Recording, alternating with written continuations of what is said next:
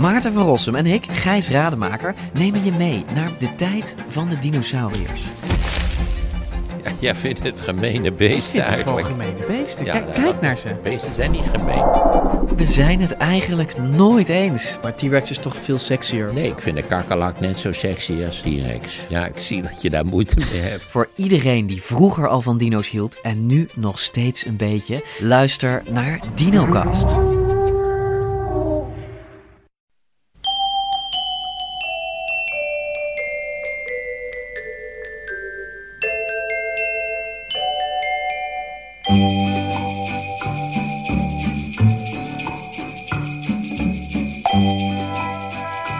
Welkom bij aflevering 334 van Echt Gebeurd. De podcast waarin mensen hun eigen waargebeurde verhalen vertellen. In deze aflevering een kerstverhaal dat in december 2010 alweer bij ons in Toemler werd verteld door Francisco van Jolen.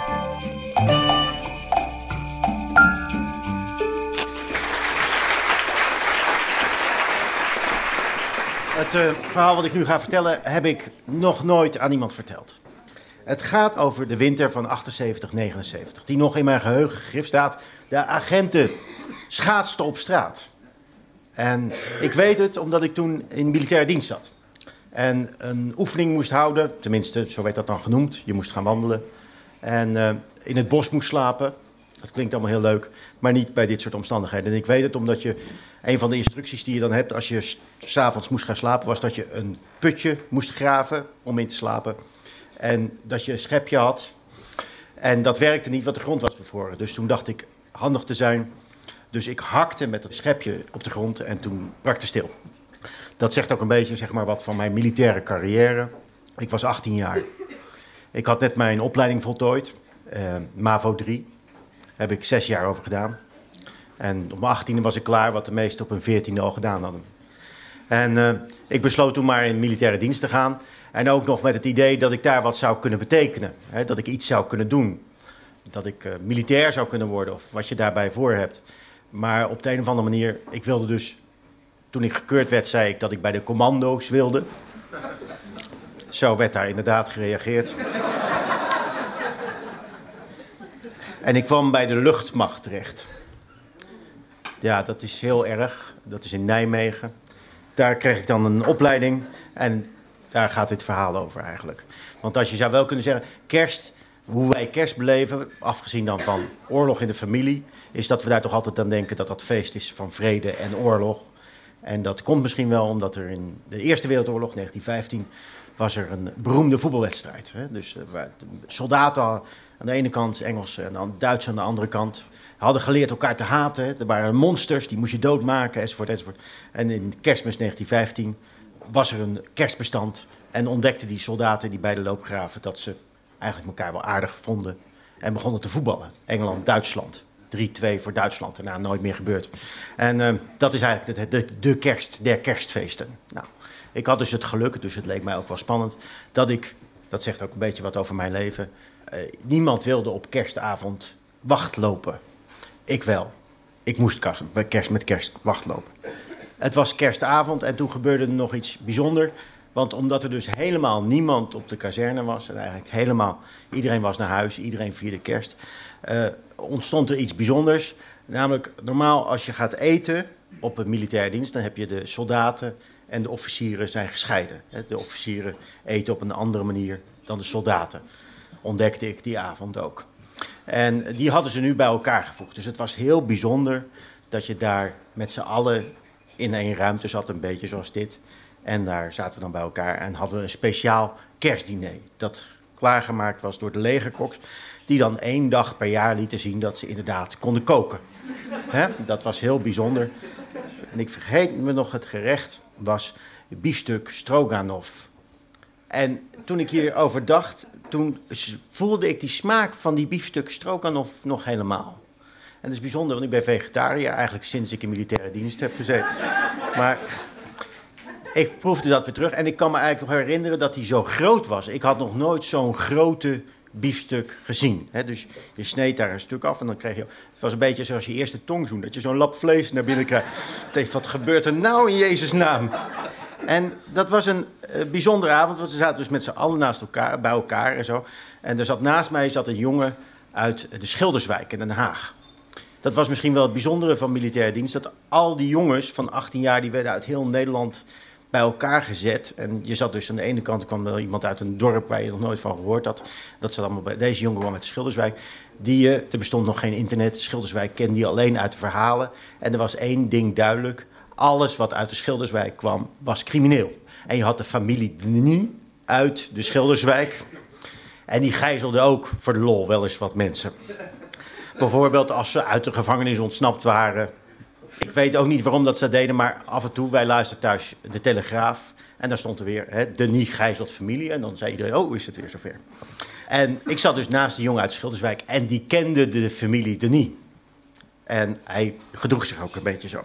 En ik weet niet meer wat er was, maar er was een rare sfeer die avond.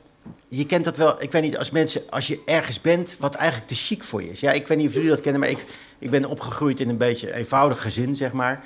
En dat je dan ergens bent en dat is te chic. Dan denk je dat is zo leuk, chic, maar dan word je zenuwachtig, word je nerveus, word je naar. Dat we bijvoorbeeld met zo'n biefstuk stroganoff niet goed wisten wat je daar dan mee moest doen. En ja, opeten, maar hoe dan? Hè? Want er lagen er bijvoorbeeld twee vorken en twee messen. Naast je, waar dat voor was, was niet helemaal duidelijk. Maar, en die jongen naast mij die had er nog wat meer moeite mee. En die wist ook niet precies hoe dat ging, eten in gezelschap. Dus toen erop gewezen werd dat het mes in de andere hand moest en zo. Toen, en dat je niet zo met je arm voor je. Dat je niet je eten hoeft te beschermen. Hij kwam denk ik uit een groot gezin dat je zo met je arm voor je bord eet. En, zo en de sfeer werd steeds eigenlijk naarder. Hè? Er was ook een beetje. En uh, op een gegeven moment uh, stond hij op en zei hij: Jullie zoeken het ook allemaal maar uit. En liep weg van tafel. Het was een beetje de sfeer verpest. En toen ja, was het eten klaar. Met kerst was dus iedereen naar huis. Hè, dus je kon nergens meer over praten. Zelfs de vijand was naar huis natuurlijk. De Russen die deden ook al kerst. Dus er was eigenlijk niks te beleven. Maar daar hadden ze vanuit de legerleiding wat op gevonden. Want hoe zorgen ze nou dat je een beetje alert blijft hè, tijdens dus? Uh, het was in de tijd van de treinkapingen en gijzelingen en zo. Kortom, Nederland had echte terroristen, die we toen niet zo noemden, geloof ik. Um, en het verhaal was dat de Molukkers, dat waren de terroristen, de kazerne zouden overvallen met kerst. En helaas waren wij met z'n tienen de enige die dat konden voorkomen. Dus uh, de bunker moest weer bewaakt worden. Want wat ik wil zeggen, de Molukkers die kwamen dus over het hek uh, om de wapens te, hè, je had er, er was natuurlijk er was een opleiding, er was helemaal niks om te veroveren. Hè. Niet dat er geheime kernwapens waren. Maar er stond natuurlijk een bunker met wapens. En die zouden de Molukkers willen hebben. Dat is wel een heel mooi systeem eigenlijk van het leger. Want dat waren de wapens van de mensen die de bunker aan het bewaken waren. Je had ook het hele ding weg kunnen halen. Er was er helemaal niks aan de hand geweest. Maar nee. Wij hebben een bunker. Die moet bewaakt worden wat de wapens die erin zitten is van, zijn van de mensen die de bunker bewaken. Hiermee worden de meeste eigenlijk conflict situaties wel goedkundig beschreven. En toen, toen gebeurde het volgende. Dus toen was het mijn beurt om daar te gaan wachtlopen. Met z'n tweeën liep je daar dan heen. In het donker, over een verlaten kazerneterrein. Het was stil, sneeuw, knisper, knisper, knisper. En uh, toen ineens gebeurde iets raars dat je... Ik weet niet of jullie dat The Longest Day willen hebben gezien.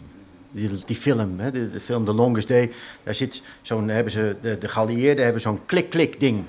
Dat ze, hè, als je safe bent, klik-klik. Als je in het donker bent, klik-klik. En dan zegt die ander ook klik-klik. En dan op een gegeven moment is er één Engelsman die hoort, die heeft een kennelijk een gehoorprobleem, dus die zegt klik-klik. En dan hoort hij klik-klik. En dan zegt hij, ah goed. En dan blijkt het een Duitser te zijn die zo, hè, zijn geweer doorlaat. Nou, wij liepen daarheen en dan moet je je voorstellen, wij hadden dus scherpe munitie. Had je ook, was heel bijzonder, was de enige keer in je hele militaire carrière, hè, ik heb 14 maanden, dat je scherpe munitie had. Die kreeg altijd losse flodders. Heel verstandig.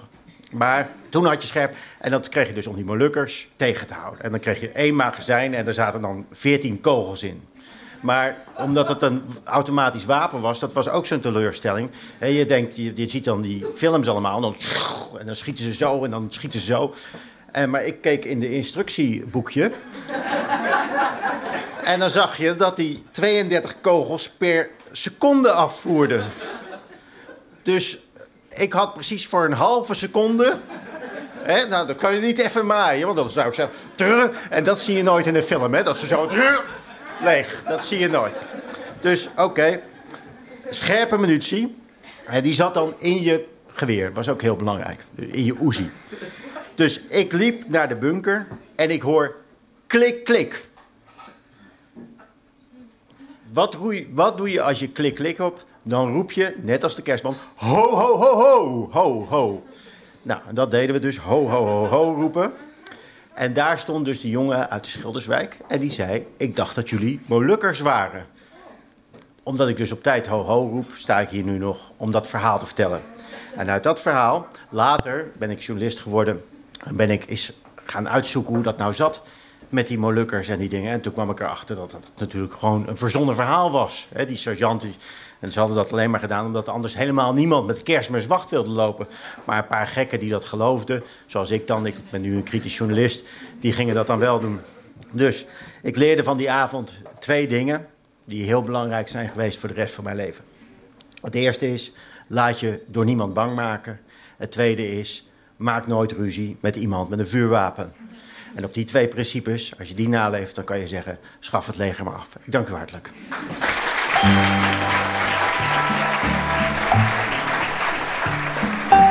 Dat was een verhaal van Francisco van Jolen.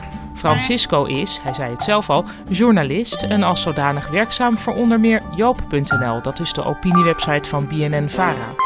Hij is ook een zeer actief blogger op franciscovanjolen.com en hij is volgbaar op de diverse sociale media. Net als wij trouwens. Eh, volg Echt Gebeurd op Instagram, Twitter of Facebook.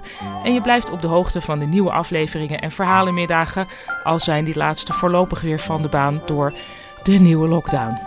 De redactie van Echt Gebeurd bestaat uit Micha Wertheim, Rosa van Toledo, Maarten Westerveen en mijzelf, Paulien Cornelissen. De productie doet Eva Zwaving, de zaaltechniek was in handen van Nicolaas Vrijman en de podcast wordt zoals altijd gemaakt door Gijsbert van der Wal. Dit was aflevering 334. Fijne kerst en probeer nou één dag in het jaar te laten zien dat je kunt koken.